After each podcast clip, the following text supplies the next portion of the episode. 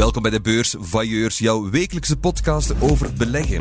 Bij de Nationale Bank miserde het vorige week. Deze week kreeg Sam Bankman-Fried in de Bahamas de wind helemaal van voren. Maar over de plas zien we bij de Fed toch de eerste zonnestraaltjes.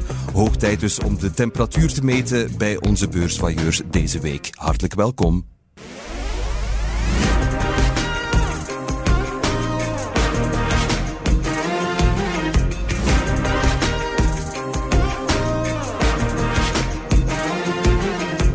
En onze beursvailleurs deze week zijn Ellen Vermorgen van de Tijd en Simon Renti van de Belegger. Dag Ellen, dag Simon, hartelijk welkom. Hey, dag Thomas. Hoe gaat het met jullie? Uh, goed, dank u. Uitstekend. Uh, hoge toppen aan het scheren in de beursrally, Simon? Of moet ik daar een beetje uh, zwijgen? Redelijk toch wel, ja. De, ja? de, beurzen zijn in het algemeen hoge toppen aan het scheren. Hè. Het is eigenlijk de, de malaise van een half jaar geleden, zeg maar, is, is, uh, lijkt helemaal weg. De voorbije weken en maanden is is het heel hard gegaan uh, op de beurzen. Heb je, onder welke schuilnaam doe je mee? Of doe je het gewoon ik heb gewoon uh, mijn eigen achternaam gebruikt, dus ja. ik, ik, verschuil mij uh, nergens achter. Achter de Renti, oké. Okay, Renti, en hij is te bescheiden hoor, Thomas, want hij staat in ons Mediafin-klassementje echt wel uh, in de top drie, denk ik, hè, Simon? Je bent echt wel bij, bij de ja, toppers nog, in ons personeelsklassement. Het is nog lang natuurlijk. Dus ja, de, ja, de prijzen zijn pas aan de meet, maar toch al, ik moet een stevige inhaalbeweging inzetten. Merk je dat, dat mensen echt respectvol naar jou kijken als je de redactie binnenwandelt? nu nog niet. Nee, misschien nee. tegen het einde krijg je dan toch wel uh, een schouderklopje daarvoor. Maar uh, Echt? Het, is, uh, het, is nog, het is nog ver. Hè. Het is, er kan nog heel veel gebeuren. Ja. In onze centrale stoel vandaag een man die we wegkaapten van zijn montagetafel en naar onze studio hebben gelokt. Een, een veelgevraagde gast in talkshows om over film inzichten te geven. Maar vandaag gooit hij het even over een heel ander boek. Maker van heel wat Vlaamse classics natuurlijk, zoals Team Spirit, Vermist, filmfanaat in hart en nieren en dus ook blijkt belegger. Welkom Jan Verheijen. Thomas. Alles goed? Ja, dag Simon. Hi. ja, ja, alles goed, dankjewel. De, de laatste hand aan het leggen aan een nieuwe productie, begrijp ik. Uh, mogen we daar al iets over weten? Ja, ik heb samen met Lien, uh, Lien Willard, mijn uh, echtgenote... Um, we hebben zo heel gek. Uh, wij, zijn, uh, we hebben elkaar gevonden ook op, op, op de set. Dus ik heb heel lang solo gevaren. Maar uh, we hebben nu drie films samen gedaan. En dat wordt steeds fijner eigenlijk. En de laatste film van die drie, die nu dus in montagefase zit, is Het Geheugenspel. En Het Geheugenspel is een verfilming van een boek van Nicky French, okay. The Memory Game. Hun, ja. hun doorbraak eigenlijk uit uh, 1997. En dat hebben we, deze, dat hebben we in, het, in het herfst, september, oktober gedraaid. En dat zijn we nu aan het monteren. Allee, de laatste fase. Ja, de laatste fase, dan krijg je nog, uh, er komen nog heel veel technische dingen waar ik niet altijd zelf bij zit. Color grading en ja. dat soort dingen. Uh, Zorgen dat het hoofdpersonage niet groen ziet, is dat? Of vooral, nee, vooral dat, dat, dat, want je draait sommige scènes met een ander soort licht, buitenscènes. Ja. Dan, dan, en een maand later zit je dan weer op die locatie, dus dat moet dan een beetje naar elkaar toegebracht worden.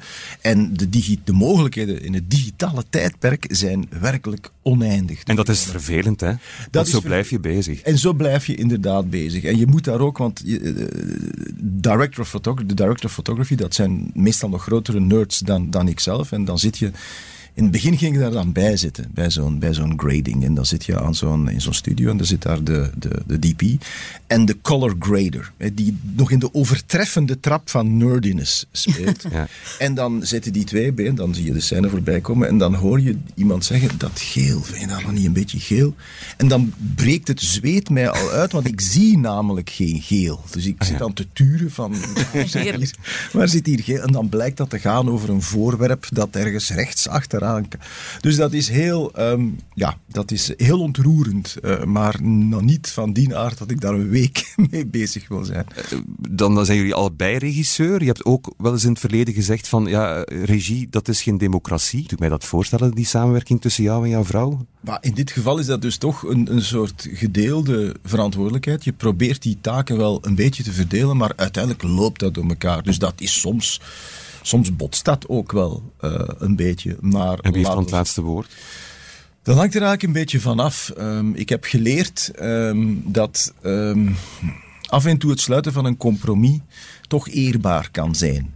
en dan hangt het er een beetje vanaf of het een, uh, of het een gevecht is dat ik ja, het hangt vanaf hoe belangrijk het vindt. Of je het de moeite waard vindt om daar nu echt een relatiebreuk uh, voilà, je hebt aan over te houden. Begrepen, ja, ik snap het helemaal. Het is in ieder geval mooi dat een, een roman van een echtpaar, want Nicky French is ook ja, een echtpaar, ja, gefilmd wordt door ook een, een, ook een power couple het lijkt wel een dus, gimmick. Het dus ik vind het heel mooi. Ik vond het een heel mooie roman, dus ik kijk enorm uit ook naar de verfilming. Oké, tof. Wanneer in de zaal of ben ik nu heel enthousiast? Um, zoals het er nu naar uitziet, uh, de maand mei van volgend jaar. Oké, dat is eigenlijk best snel. Goh, ja en nee. Um, dat geeft mij zes maanden nog. Nee, dat is, dat is absoluut... Uh, Jij weet wat je allemaal nog moet doen en je vindt dat absoluut... Uh, ja, ja. Nee. Hangt er vanaf hoeveel geel dat er nog weggewerkt ja, ja, ja, ja, ja, ik hou mijn hart vast uh, voor het geel. Oké, okay, beleggen dan, laten we het daar eens over hebben, Jan. ben je daar al even mee bezig met de beurs? Het is in twee golven gegaan. Mijn vader heeft mij, maar dat, nu spreek ik echt over, nu spreek ik eigenlijk over de Lernout en Houspie-periode. Oh, dat is wel even. Om dat even te duiden. Uh, mijn vader was eigenlijk een nogal enthousiaste amateur-belegger en die zei, Jan, je moet dat ook doen. Um, en ik ben dat dan ook gaan doen. Um, ik weet dat ik, dat ik uh, met name, zoals veel Vlamingen, met Lernout en Houspie de boot ben ingegaan. Hoewel ik nog altijd, als ik dat even mag zeggen, eigenlijk zeer veel sympathie heb voor um, uh, Jo Lernout en Paul, Paul Houspie. Want die hebben wel iets gedaan dat achteraf bekeken zijn tijd vooruit was en, en, en baanbrekend. En ik heb ook echt het gevoel dat er andere bedrijven zijn die van hun um, pionierswerk um, de vruchten hebben geplukt. Ja ik zie, ik zie ja, dat klopt volledig. Hun technologie is, is opgegaan in een Amerikaans bedrijf. Dat was Belgische technologie. Ze waren pioniers. Dat is opgegaan in uh, Nuance. Hè, en dat is dan weer opgeslokt door Microsoft. Dus inderdaad, ja, zij hebben uh, iets wezenlijks veranderd. En het zijn andere bedrijven die uh, daar met de kaas van het brood een beetje gaan lopen zijn. Ja, dat volg ik helemaal. Ja. Dus ik denk, ach, ik weet Dus dat, het was zo, ja, bon, sommige dingen werkten, andere dingen werkten niet. Dan is dat wat verwaterd. Dan ben ik zoals de meeste Vlamingen, neem ik aan, naar mijn bank gestapt. Ik werd ook voortdurend gebeld. Ja, je moet toch. Hè. Dus dan ga je daar hè, een gesprek hebben met. Uh... Ik werd niet gebeld, maar dat was waarschijnlijk omdat er niets op mijn rekening stond. Dan, ja. Daar is meestal een correlatie tussen. Ik werd ook nooit gebeld, Thomas Troost, ja. ja. Dus, uh, en dan, ja, ja, doe maar. En dan bleek dat niet wezenlijk te verschillen qua resultaat van wat ik dan eerder zelf had meegemaakt. En sinds een jaar of twee ja, sinds, en net voor de, de, de, de grote pandemie losbrak, ben ik terug het zelf uh, gaan doen. Omdat ik dat toch ook wel boeiend en, en, en spannend uh, vind. Uh, ja. Ik doe dat niet intensief. Ik zit niet thuis met drie schermen alles te volgen en zo. Maar ik probeer elke ochtend wel zo de verschillende nieuwsbrieven. Uh, ik zit zelf bij, bij, bij, Saxo Bank, dus die hebben ook een, vrij goede uh, nieuwsbrief uh, elke ochtend. Dus ja, ik vind, ik, vind dat, ik vind dat boeiend. Maar ik ben absoluut, ik ben absoluut amateur. Dat betekent dat ik.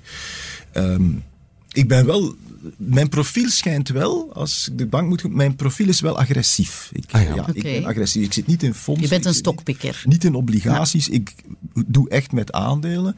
En ik probeer ook echt um, wel eens, uh, ik, ik probeer de discipline te hebben. Als er een mooi rendement is, om niet te denken van ah, het kan nog meer worden, nog meer. uh, maar dan, dan verkoop ik. Uh, en als het dan negatief gaat, dan probeer ik ook, als het op min 10% staat, dan uh, het te doen. Toch ook te zeggen van het is mooi geweest, ja. Met uitzonderingen. Want nu zit ik bijvoorbeeld eh, in, in, Walt Disney. Enfin, niet letterlijk, in Walt Disney. De man is ook trouwens dood. Het zou buitengewoon onsmakelijk zijn. maar... Um, dat, dat is een. Ik, ik weet wat er nog komt. Ik weet wat er in die pipeline zit. Iedereen kan dat trouwens weten als je je huiswerk doet. Dus daar voor mij weerspiegelt de koers op dit moment niet het potentieel van het aandeel. Dat is weer van, van een aantal aandelen, met name dan in de filmsector, denk ik wel eens van. Ja, daar, daar heb ik toch informatie. Kinepolis is nog zo'n goed voorbeeld. Kinepolis en dat vind ik zo boeiend, want we zitten, ik zit hier met twee experten. Ik ben al bij voorbaat uh, geïmponeerd. Alleen stel ik vast, met name bij een aandeel als uh, Kinepolis, dat de experten uitgaan van niet altijd voor mij juiste informatie. Ik zal een zeer concreet voorbeeld geven. Wat zag je afgelopen zomer? Een Engels, eh, een voornamelijk Engels uh, consortium, Cineworld stond op de rand van het faillissement. Dat heeft vrij veel weerklank gekregen in de, in de financiële media. En dan zag je meteen de koers van Kinepolis spectaculair dalen, terwijl Het grote verschil tussen Cineworld en Kinepolis is dat Cineworld zijn zalen huurt. Zij zitten vooral in winkelcentra en zo, dus zij zaten inderdaad te bloeden, omdat huur moest doorbetaald worden terwijl de zalen dicht bleven. Terwijl Kinepolis het grootste deel van zijn zalen bezit. Mhm. Dus daar zit sowieso een zeer grote ja, daar zit real estate. Ja, daar zit een, een vastgoedtak aan. Hè, voilà, daar zit echt een forse vastgoedtak aan. Dus dan denk je van, dit, dit verhaal klopt niet. Dus dan moet je even het geduld hebben tot zich dat dan corrigeert. Dus bij Kinepolis ga ik het nu toch even uitzweten. Oké, we zijn nog maar begonnen en we hebben al twee gouden beurstips van uh, Jan gekregen. Uh, laten we vooral van start gaan met de rest. De beursblik. Ellen, uh, laat maar eens horen. Ik ben benieuwd waar duizelde je deze week van. Dat wil je graag eens met ons bespreken. Ja, een beetje Nightmare Before Christmas, nu we toch over, uh, over films bezig zijn. En die nachtmerrie speelt zich wat mij betreft af in Halle. Ja. Al, al waar Colruyt, ja, notwaar underperformer als het over cijfers gaat, maar als je denkt dat je alles hebt gezien, dan is er uh, nu opnieuw uh, ja, een heel dramatisch rapport gepasseerd dinsdagavond. Waarin waarbij... ze cynisch genoeg wel echt de laagste prijs garanderen. Ja, ja absoluut. De koers ja. reageert naar vanand. Hè. Ik denk dat we op dit moment, moment van opname, onder 20 euro duiken wat Colruyt betreft. Daarvoor moeten we denk ik uh, begin jaren 2000 terugrekenen om die koers terug te zien. Hoe komt dat? Ja, zij kunnen die inflatie blijkbaar totaal niet doorrekenen. Zij zijn gesqueezed als middelman. Zij kunnen niet hun hoge energieprijzen, hun loonindexeringen doorrekenen aan de klant. En dat vreet, maar op een heel dramatische wijze, uh, aan de marge. Ik denk dat zij opereren aan een bruto marge van 2%. Dat is extreem laag. Hè, uh, als je dat vergelijkt met Ahold uh, en andere supermarktketens. En dat is alarmerend, omdat zij zelf zeggen van dat gaat, we zien dat niet snel beteren. Ook hun volumes zijn vlak tot dalend, wat je niet zou verwachten. Want je denkt, er breekt een recessie uit, waar gaan we met z'n allen gaan winkelen. Over de grens? Ja, ja, bij de Auchan in uh, weet ik veel waar. Maar je zou toch ook denken dat Colruyt met name met die laagste prijsgarantie daarvan profiteert. Maar zelfs dat is niet het geval, want hun marktaandeel is, is vlak gebleven. Dus ja, ik, eh, zorgwekkende uh, tendensen um, en, en als belegger de eeuwige frustratie uh, dat je geen goede uitleg krijgt. Ik vind dat heel jammer. Niemand die snapt wat chef Colruyt mee bezig is. Je probeert dat te begrijpen. Hè. Waarom kopen die voeding voedingsproducenten in India? Waarom kopen die uh, fietsbedrijven op? Waarom uh, die waterstofdeelnames? Je krijgt daar, je krijgt, zijn ze een holding aan het creëren? Is dat de bedoeling? Probeert hij luctakgewijs alles wat te undersellen aan de markt om, om zo zijn aandeel zelf goedkoper te kunnen inslaan? Is dat de grote strategie? Ik weet het niet. Het zou kunnen. Hè, dat is een, is goed recht. Maar je krijgt als belegger geen uitleg. Meer nog, als die cijfers moeten gepresenteerd worden, is chef Colruyt daar zelfs niet. Die man is er als er een nieuw distributiecentrum centrum moet geopend worden voor New Pharma bijvoorbeeld, als ze een zelfrijdende auto ontwikkelen. Ze doen razend interessante dingen en dan staat mhm. chef Colruyt op de eerste rij. Gisteren, om die krimpende marges uh, te duiden dinsdagavond, moet uh, ja, de CFO Stefan uh, het voortouw nemen en zie je chef Colruyt nergens. Voor beleggers wordt dat frustrerend. Hè. Het, is, het is ja, zij zetten hun klant eerst, dat is mooi. En ze zetten hun personeel ook eerst, want ze zeggen, oké, okay, ondanks dat ontij waar wij doorgaan, gaan wij geen massa-ontslagen plannen of gaan wij geen, uh, ze, niet snijden in dat personeelsbestand. Ook al komt er een loonindexering aan in januari van 10% en gaat die nogmaals uh, stevig snijden voor Colruyt. Uh, zij zetten de belegger laatst in hun stakeholdersrijtje. En ja. dat is natuurlijk frustrerend um, ja, voor een aandeel dat altijd ja, het goede huisvaderaandeel was en dat nu ja, er van langs krijgt eh, van alle kanten. Um, is het een eindspel? Ik weet het niet. Hè, want ik wil, ben geen complottheorist, maar ik kan alleen maar een zeggen... Een eindspel in de zin van, van de beurs gaan? Ja, je zou dat kunnen denken. De beurs begrijpt Colruyt niet en Colruyt begrijpt de beurs niet. Dat is mijn enige conclusie die ik kan opmaken. En dat ik denk dat er een... Ja, de familie blijft driftig bijkopen. Hè. Zij profiteren van die koerswakte om te blijven bijkopen. Controleren ja, meer dan 5% denk ik... Uh, ondertussen. Is het iets van in 2023 uh, komt er een exitbod? Ik weet het niet. Uh, is dat de, de, de grote uh, strategie? dat zal moeten blijken. anderzijds, ja, de cash blijft daar ook niet. Allee, Colruyt was altijd het bedrijf met de, de, de balans van staal. Een cashrijk bedrijf. Maar nu zie je dat die cash ook stilletjes aan, de cashpositie is omgezet in een schuldpositie. Hè. We zitten aan een schuldgraad van 1,2 keer de EBITDA. Colruyt zegt zelf, wij voelen ons comfortabel met anderhalf. Dus daar, zitten zij bijna. Ik denk het zelfs dat het niet ondenkbaar is dat een bedrijf als Colruyt, dat is nog nooit gebeurd, extern kapitaal gaat moeten ophalen. Ook weer slecht nieuws voor aandeelhouders. Het is nog nooit gebeurd. Hè. Ik, ik, ik, ik weet niet wat er zich in, de in het machtscentrum Halle afspeelt. Maar moeten zij op zoek naar extern kapitaal op een gegeven moment, omdat die schuldgraad nu toch uh, ja, nijpender wordt? Uh, voor mij heel veel vraagtekens en voor beleggers ook. Hè. Getuigen de, de opnieuw zeer zware eh, pandoering die Colruyt krijgt op die cijfers. Je denkt dat die koers niet meer lager kan. Vorig jaar stond iedereen elkaar te verscheuren om voor 26 euro een aandeeltje Colruyt te krijgen. Hè. Nu zitten we op 19 euro. Allee, voor, voor mij een, een hallucinant verhaal. Een, een, van de beursverhalen absoluut van, van, van dit jaar.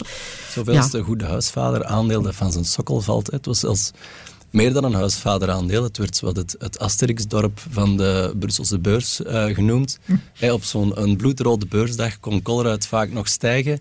Het had een heel defensief uh, imago, een soort veilige haven, hè, een, een, bescherming tegen recessie inderdaad. Hè.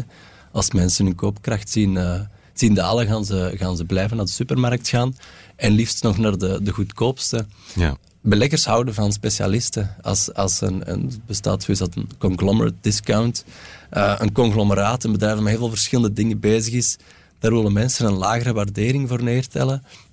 Dus ja, dat, dat, dat verhaal, dat Colruyt, dat misschien lang wat een te duur aandeel was, wat een overdrijving naar de bovenkant was, ziet nu wat een overdrijving naar de, naar de onderkant. Ja, want de, discount, Simon, is ondertussen meer dan een kwart op de mhm. sector. hè? Dat is enorm. Dat is ongezien in de, in de geschiedenis van dat, van dat aandeel. Dus ja, de, de overdrijving lijkt me inderdaad te sterk ook nu weer neerwaarts. Tenzij, ja, ik denk gewoon omdat de belegger er gewoon niks niet meer van snapt.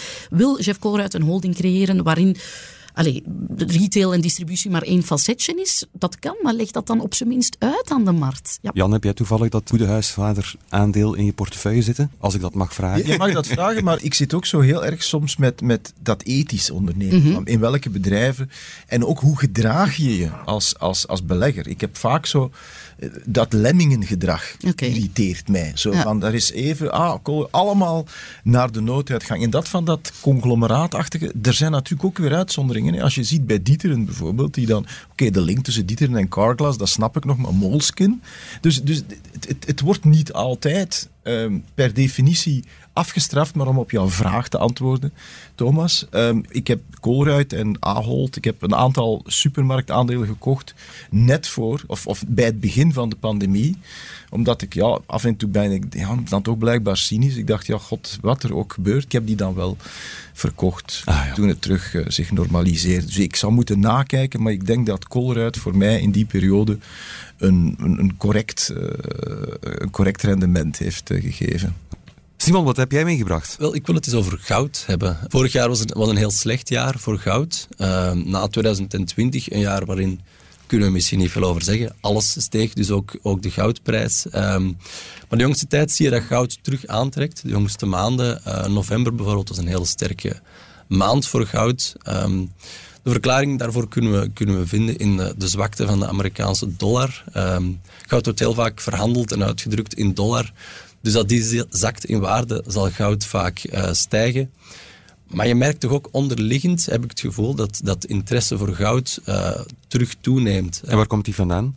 Die interesse? Ja, wat, wat voor goud heel belangrijk is, is het spel tussen de rente en de inflatie. Als de inflatie lange tijd boven de rente uitkomt, hebben de mensen het gevoel dat, dat hun geld verschrompelt. Hè? Die centrale banken met hun geld persen, die mogen maar blijven draaien. Tegenwoordig gaan ze wel terug op de rem staan.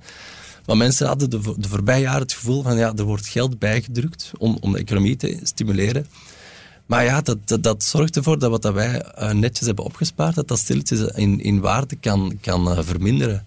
En, en ja, je voelt toch een soort onvrede. De, de Duitse spaarders hebben bijvoorbeeld de, de ECB proberen aan te klagen dat zij hun, uh, hun spaargeld in waarde zou, zou doen dalen. Ja, en dat is toch iets dat je de jongste tijd was ziet, ook tijdens de, de coronacrisis. heb je het gevoel dat zo het, het uh, systeemkritiek wat, wat groeit. Hè? Mensen die niet meer geloven wat, wat wetenschappers of, of overheden of journalisten hen vertellen. En dat zit toch ook wel in dat schuitje. Hè? Goud is iets... Um, heeft de belofte van ja, een, een beperkt aanbod te hebben. Er is maar zoveel goud in de wereld. Er wordt wel een klein beetje gedolven, maar dat wordt altijd moeilijker en moeilijker. Dus dat zou zijn waarde behouden en dan zit je zogezegd beschermd tegenover die centrale banken die geld bijdrukken. Ik denk dat we in die optiek ook de, het, de interesse rond crypto moeten, moeten zien. Hè. Bitcoin wordt soms het digitale goud genoemd. Er kunnen theoretisch maar 21 miljoen bitcoins zijn. Dus als alles in, in waarde zou dalen, die bitcoin die zou tenminste zijn waarde moeten behouden, wordt dan gezegd. Um, en in die optiek, bitcoin is, is enorm speculatief, is enorm uh, volatiel, zal ik zeggen. Misschien omdat bitcoin zijn, zijn, uh, ja, zijn, zijn glans wat verliest als digitaal goud, dat mensen terug uh, goudkevers Hou vast, naar het tastbaars. Ik kan het tenminste in mijn handen houden. Het ja, daar ook mee te maken en hebben. ook in, in de context van, ik denk, we gaan stilaan meer en meer naar een cashloze maatschappij. Landen als, als uh, Zweden, uh, Noorwegen willen naar volledig cashloos gaan. Ik denk dat mensen daar ook wat schrik voor hebben. Je hoort soms economen over de voordelen van um, een cashloze maatschappij um, vertellen. En ze zeggen dan, ja, dan kan je een negatieve rente uh, invoeren. Hè. Op dit moment is het heel moeilijk op spaarboekjes om een negatieve rente in te voeren. Omdat mensen nog altijd kunnen zeggen van, ja, dan haal ik mijn geld wel af. Hè.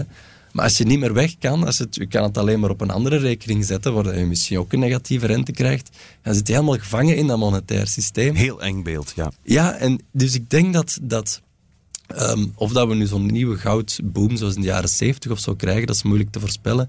Maar ik heb het gevoel dat, dat ik dat in mijn leven toch nog eens ga meemaken, dat, dat er zo'n nieuwe uh, hype rond, rond goud komt. Dus gaan we dan gouden zaakjes kunnen doen eh, het komende jaar? ik, ik, ik denk dat als, er, zijn, er zijn analisten die zeggen goud is geen belegging, dat brengt niks op. Dat, dat, dat, er, dat is geen onderneming waarin je belegt. Maar ik denk toch als een klein percentage van je portefeuille dat dat wel zijn plaats heeft als een soort van uh, stabilisator. Zeker voor Jan bijvoorbeeld, die zegt hij heeft veel aandelen, dan is goud hè, een, een heel goede diversificatie.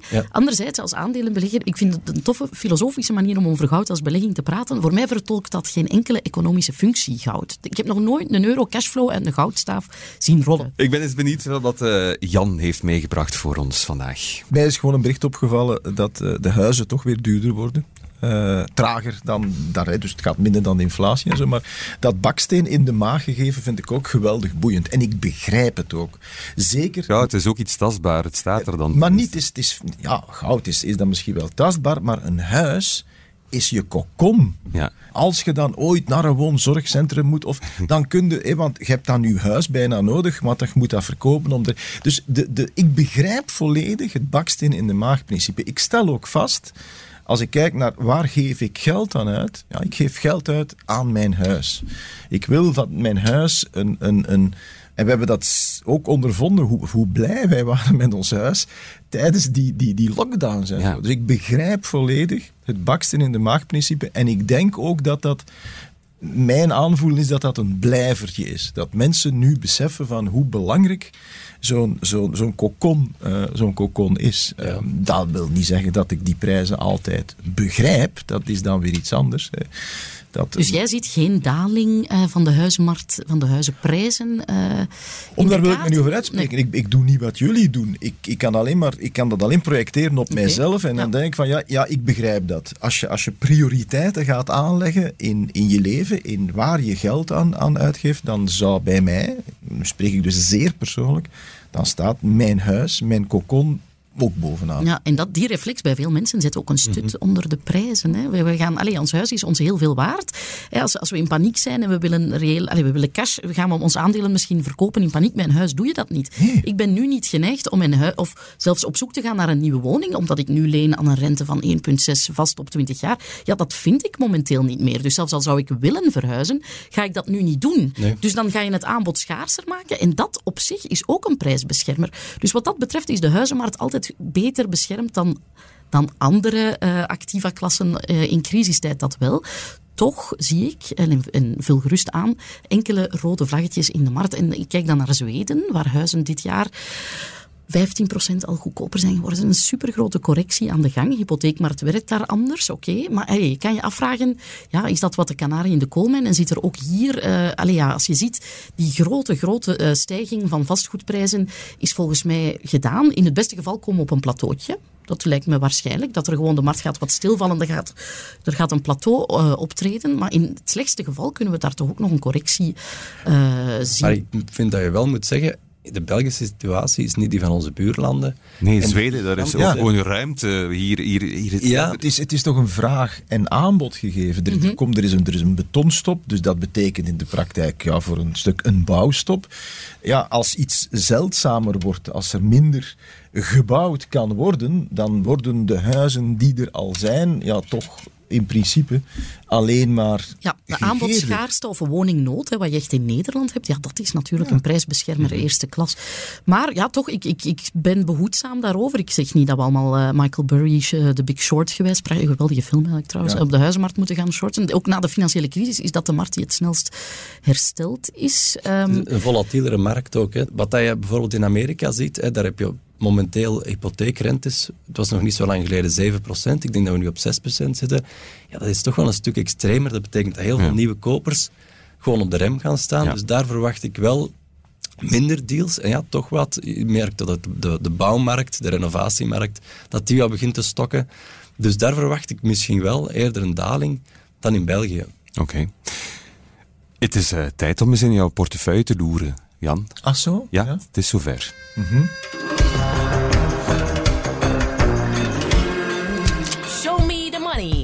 Ja, toch wel een van mijn favoriete momenten om eerlijk te zijn. Uh, omdat het, is voor mij even ook achteroverleunen. Het is aan Wanda nu.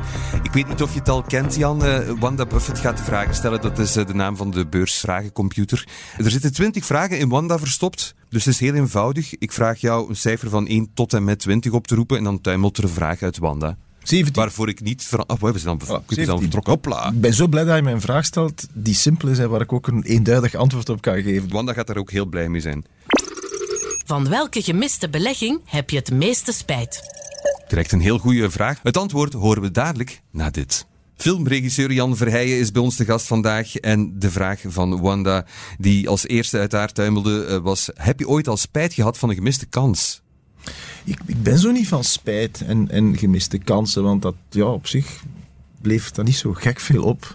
Buiten mogelijk wat, uh, wat verbittering of zo. Nee, dus um, nee, het is ook niet zo dat ik dermate intens met de beurs bezig ben, dat ik dan dingen zie gebeuren uh, waarvan ik dacht, ah, hier had ik op moeten.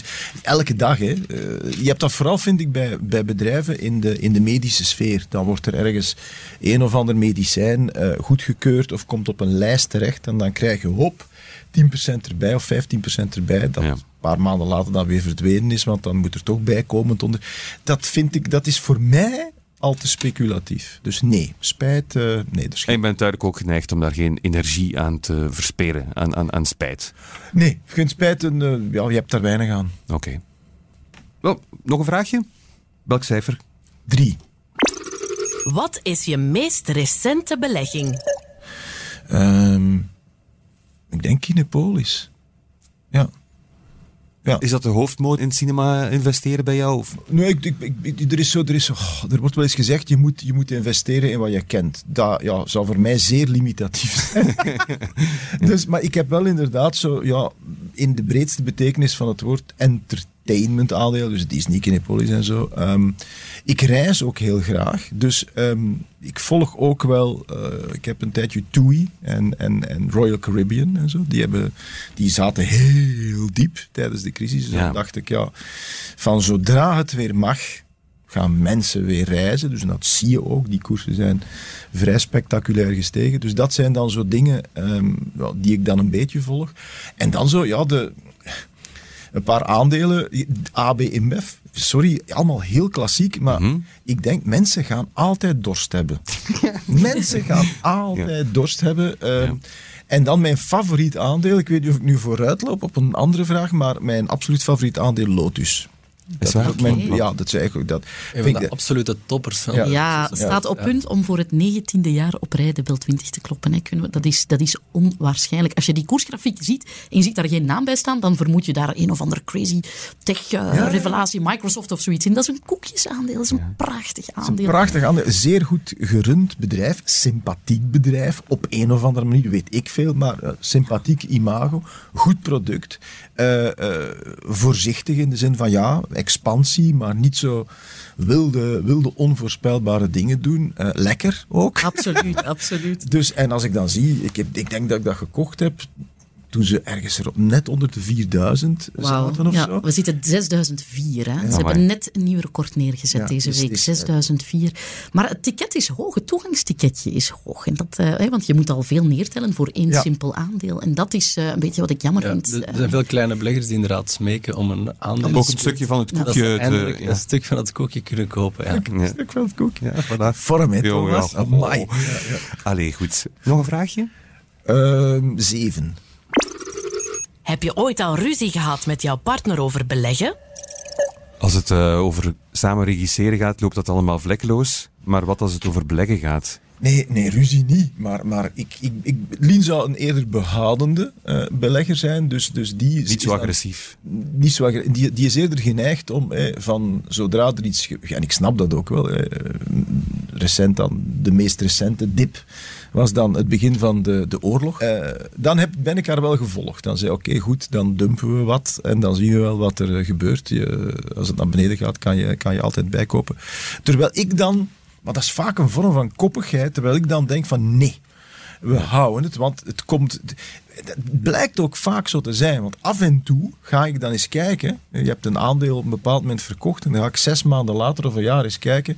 En dan merk je dat het heel vaak, op een paar uitzonderingen na, dat die koers zich toch heeft hersteld. Dus en, en voor, je, ook... voor je dan frustratie van, het ziet er wel verdomme. Nee, ook daar, ook daar geldt, uh, nee, nee, dat heeft allemaal uh, heel weinig zin. Enfin, zolang je niet geweldig de boot bent ingegaan, hè, als het echt pijn begint te doen, ja, ja. Dan, dan, dan moet je me dat nog eens vragen. Maar, maar tot nu toe is dat ook nooit echt het geval. Maar jullie bespreken het wel samen? Want ik hoor bij veel echtparen of koppels dat het vaak een, een van de twee partijen is die, die de investeringsbeslissingen neemt en de andere die... Uh, jullie, jullie praten er wel over? Ja, dat vind ik op zich al... al zeker als het over, over grotere bedragen gaat, dan wil je toch even gecheckt hebben met je partner. Ja, dat is een mooi staaltje team spirit. Oh, ja. Hey, ja. Nog eentje. Goh, amai. Um, 20? Zit dat er ook in? Ja, uiteraard. Wie is jouw grote beleggersvoorbeeld? uh, daar heb ik me op voorbereid. Uh, en ik, ik heb een beetje spijt van wat ik nu ga zeggen, al omdat ik uh, Simon en Ellen zo onmiddellijk sympathiek en, en betrouwbaar vond. Maar. Um, het beschouw het als een, als een, relativerende, okay. een relativerende bedrijf. Mijn favoriete voorbeeld is Jacko. Jacko, je kent Jacko? Uh, ik voel dat het, het, gaat, het gaat een slak of zo zijn, denk ja, ik. Nee, het is, het, het is veel groter. Jacko is een gorilla. okay. Ik was aan Jacko van Porma. Nee, nee, nee. De. Het is J-A-C-K-O. Okay. En Jacko is uh, de, de gorilla in, uh, in de, de Zoo van Amsterdam, in Artis. En in 2000, in januari 2000 heeft, uh, hebben ze die een tros bananen gegeven. Met 75 bananen aan zijn de 75 aandelen op de uh, Amsterdamse beurs. En de eerste 10 bananen die Jacko opvrat, dat aandeel hebben ze gekocht. Geweldig. En dat hebben ze dus volgehouden. Eén keer per maand krijgt hij die tros opnieuw en dan wordt er één aandeel geswitcht. In het 22-jarig bestaan van dat experiment heeft uh, uh, de beursgorilla Jacko een rendement gehad van 302 procent, zonder dividenden. Ja. En heeft hij in die 22 jaar 17 keer de beursindex en de meeste professionele beleggers het nakijken gegeven. Dat is bijna zoals Lotus. Hè? Ja, maar dus dan denk, en dan denk ik van... Dat is natuurlijk, het is, het is anekdotisch, ik weet dat ook wel, maar het relativeert wel ja. het hele ja, uiteindelijk het, het, het, het, begrip spelen op de beurs. Ik denk dat dat zeer dicht tegen de waarheid zit. Ja, ik ben het daar niet altijd mee eens. Nee, je, kan, je, kan iedereen, je kan iedereen laten vogelen pikken op de beurs en er gaat dan wel uh, eens een keer in een boelzaai Ja, met 22 maar, jaar. Maar inderdaad, 22 jaar, natuurlijk de Amsterdamse beurs. Als, hoeveel bananetjes heeft in de Jacco gegeten? Redelijk veel bananetjes. Dan heb je een diverse uh, blootstelling aan de AEX, een van de sterkste indexen in Europa. Dus ja, automatisch, uh, een portkel bananetjes hadden misschien... hadden, ja, voilà. Het is, het is inderdaad... Ja, dat, dat, dat spreekt voor een een, een gespreide strategie. of je nu Jaco heet, of, of, of Jan Vrijen, of Simon, of Ellen, of, of, Thomas. Dus voilà, dat, spreekt, dat spreekt voor de eitjes niet allemaal in één mandje en mooi veel banaantjes. Maar ik voel dat pijn doet dat, dat, dat het even goed aan een gorilla kunnen vragen. Ja, ja, we moeten het altijd zo een beetje afleggen, afleggen tegen chimpansees en gorilla's. Die, die, doen die doen hun werk. Ja, voilà. Dus uh, Simon, ja, verdedig ons. Allee, of uh, verdedig nee, ons als, Het is sowieso heel moeilijk om, om de beurs te kloppen. Ik denk, als, het, als je het gemiddeld een paar procent beter doet dan de indexen, ik denk dat het al, al uh, applaus op alle banken verdient. Absoluut. denk. Maar dat is wel mogelijk volgens mij, als je huiswerk doet, om het net iets beter te doen. En op het einde van de rit maakt dat wel het verschil uit. Hè? Als, je, als je aan je pensioen kijkt en je hebt het klein beetje beter gedaan, dan, dan, dan maakt dat uiteindelijk veel uit. Dus ik denk dat je daarnaar moet streven en inderdaad... Uh, mensen die met, met uh, gouden beleggingen lopen zwaaien en zeggen hiermee kan je snel rijk worden, dat, dat is meestal kwats. Ja, Daar geldt inderdaad ook, if it's too good to be true, it usually isn't. Een mooie alweer om mee af te sluiten. Dankjewel, heel goed gedaan ook uh, Jan Verheijen. Hartelijk dank. Graag gedaan. De hulplijn. U weet ons al steeds eh, goed te vinden, beste luisteraar. En dat is zeer mooi, want we zijn hier om u te helpen. Onze experts, althans. Onze luisteraar deze week heet Ian. Een goeiedag, Ian. Hallo. Beste Ian, je bent toch niet geheel toevallig Ian Knapen van Capitant? Dat klopt inderdaad. Maar De president van Capitant Antwerpen. Alsjeblieft zeg. Ik dacht al dat ik de stem herkende, Ian. Meteen. Jij komt hier undercover in onze podcast, zeg een van onze gezichten op de beursrally toch ook, Ian, gewoon om de rest van de tafel even te vernederen.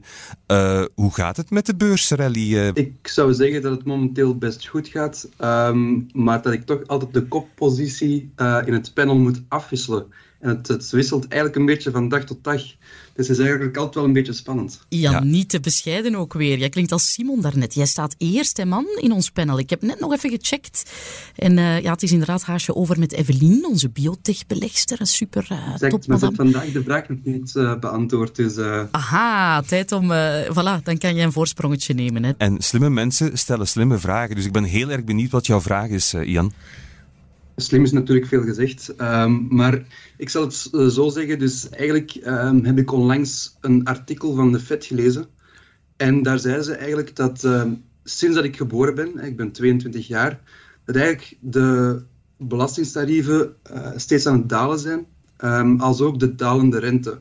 Hè? En dat die twee evoluties er eigenlijk voor zorgen dat de, de winsten van, van bedrijven stijgen.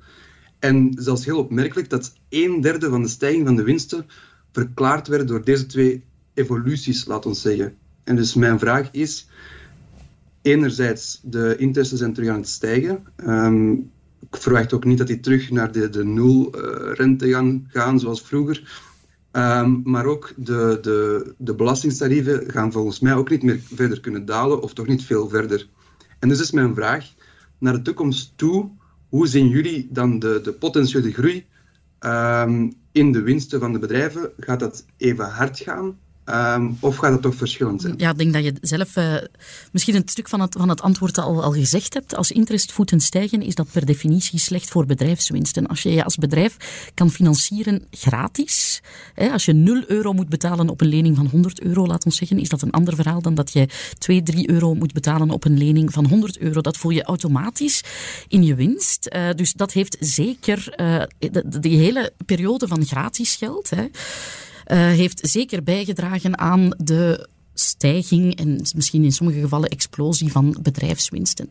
Dat luikje belastingen, je zegt die belastingdruk is dalend. Ja, de, in België is het licht stijgend, uh, met name de vennootschapsbelasting dan, omdat ook de bedrijfswinsten gestegen zijn. De, overheid heeft meer kunnen, kunnen uh, op bedrijven, laat ons zeggen. Dat is een heel groot uh, bedrag uh, dat naar de overheid vloeit. Ik denk 3,8% van de BBP is, uh, is vennootschapsbelasting.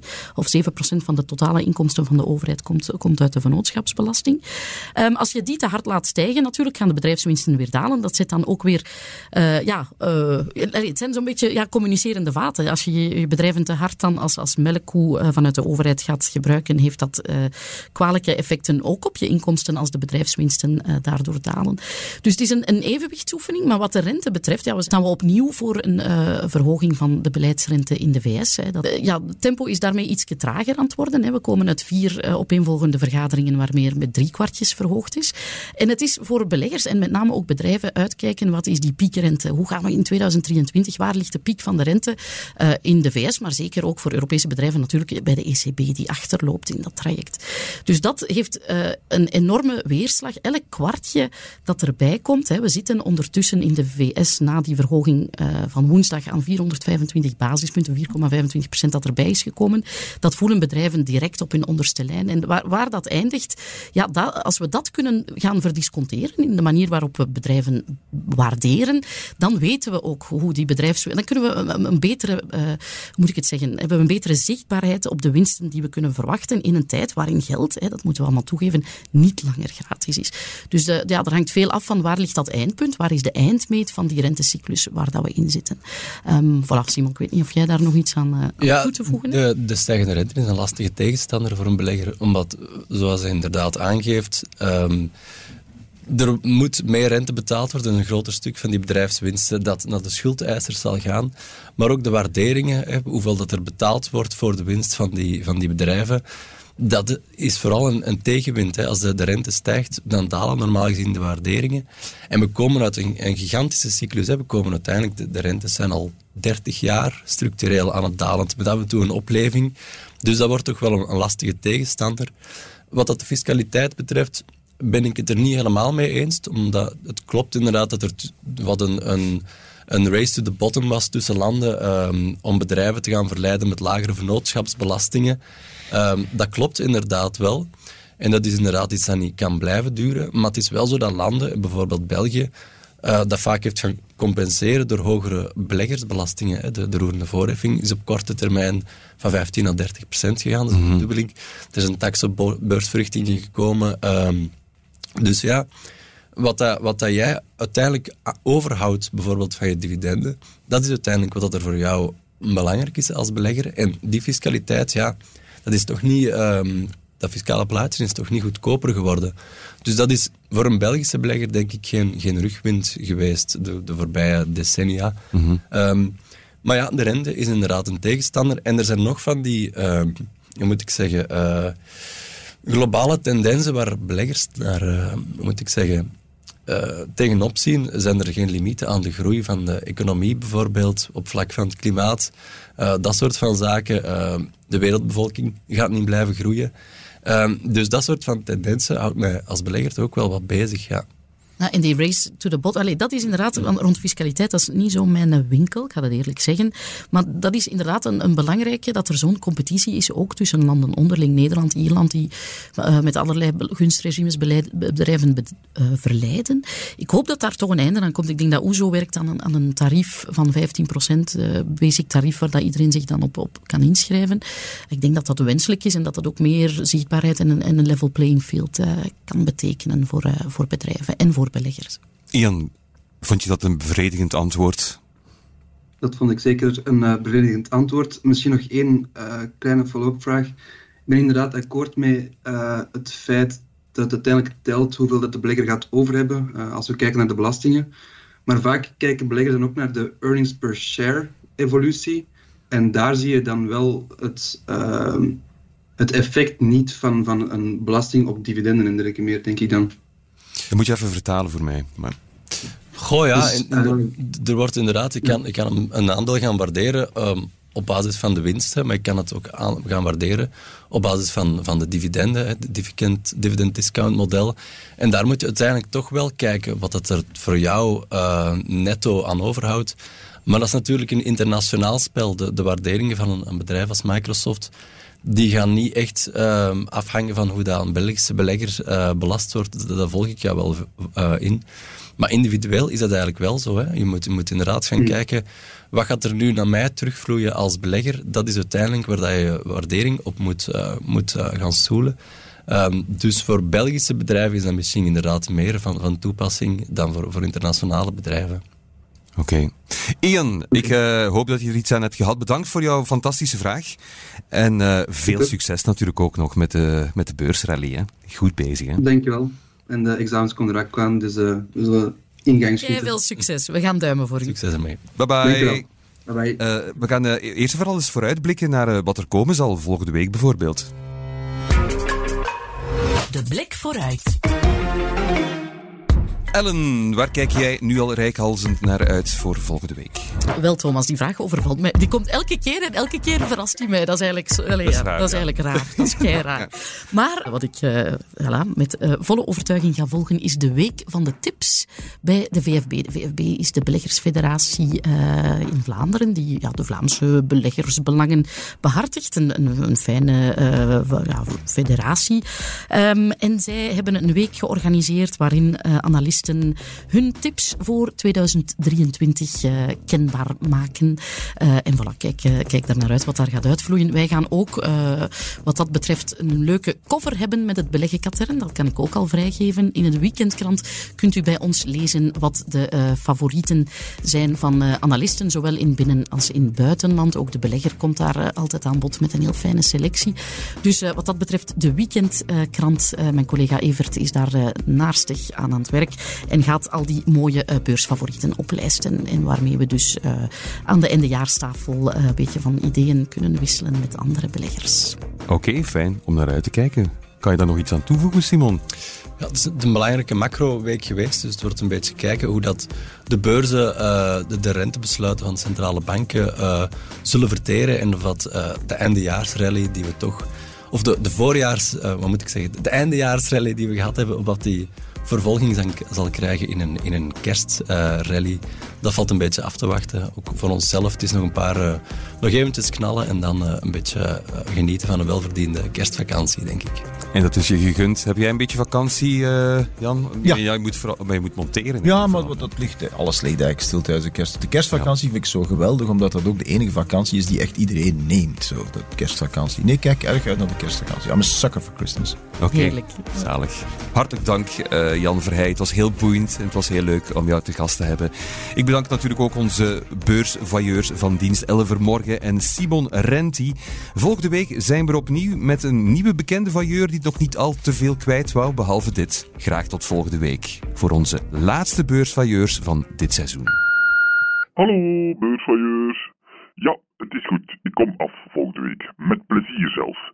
Ik word regelmatig wel een keer gebeld door de radio of tv, dus geen schroom. Nu is het vooral voorbereiden op de examens. Niet voor mij, maar uh, voor mijn studenten.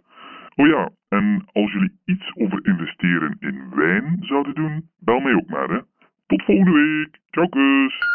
Dit was de Beursvoyeurs. Presentatie door Thomas de Soete, productie door Anne-Sophie Moerman. Mis het beursnieuws niet op tijd.be. Graag tot volgende week.